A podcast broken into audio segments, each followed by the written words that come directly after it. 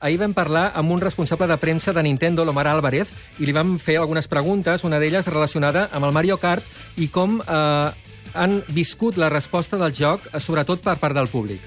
el recibimiento en- del público en las tiendas del día 1 hasta todo el ruido que generó en Internet el lanzamiento. O sea, hemos, digamos, sacado el, el juego a la calle y vimos el comportamiento de la gente, descubrimos que había muchas ganas de, de poder compartir un Mario Kart por internet, en, en que la gente se lanzase a crear sus propios torneos, a competir entre sí.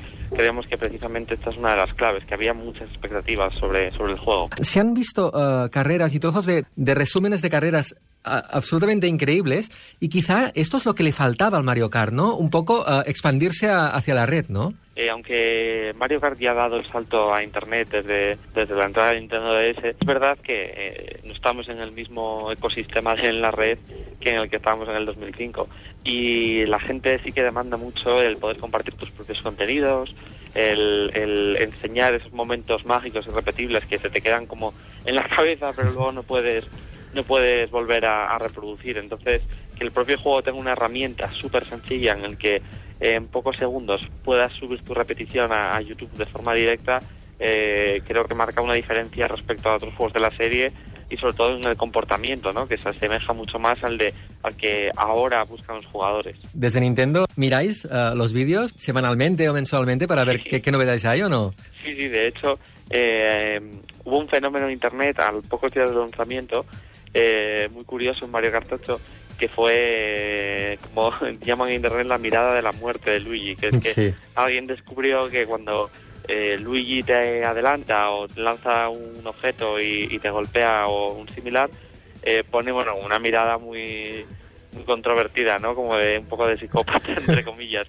Y esto ha hecho, bueno, pues ya conocéis Internet, eh, un montón de memes y de, y de imágenes graciosas en Internet y esto ha generado un ruido especialmente potente en torno a esos vídeos y nosotros en cuanto descubrimos que esto estaba estaba sucediendo intentamos también apoyarlo pues, desde concursos con cosas y creo que es elemental a día de hoy estar en conexión con, con tu público ver qué es lo que eh, demandan qué es lo que piden y aplicarlo y estudiarlo o al menos valorarlo.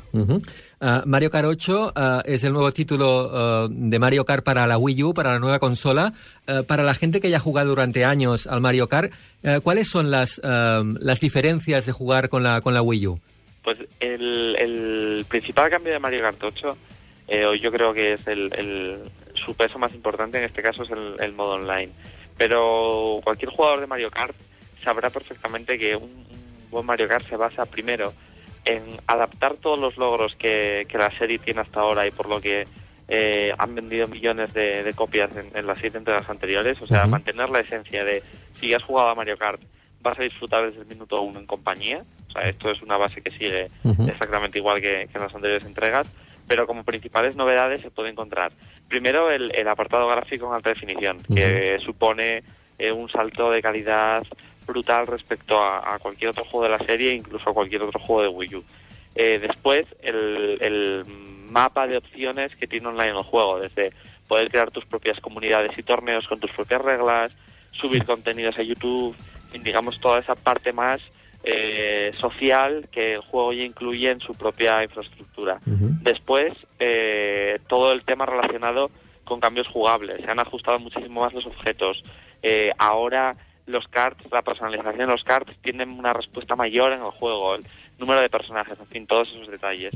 Y luego, como gran cambio, digamos, un giro jugable, si en Double Dash tenías, por ejemplo, en la entrada de Cube que cada card eh, podía tener dos jugadores, o en Mario Kart 7 en 3DS, que podías correr por, por tierra, mar y aire, ya que al card le salía un parapente y tú podías planear durante secciones del circuito.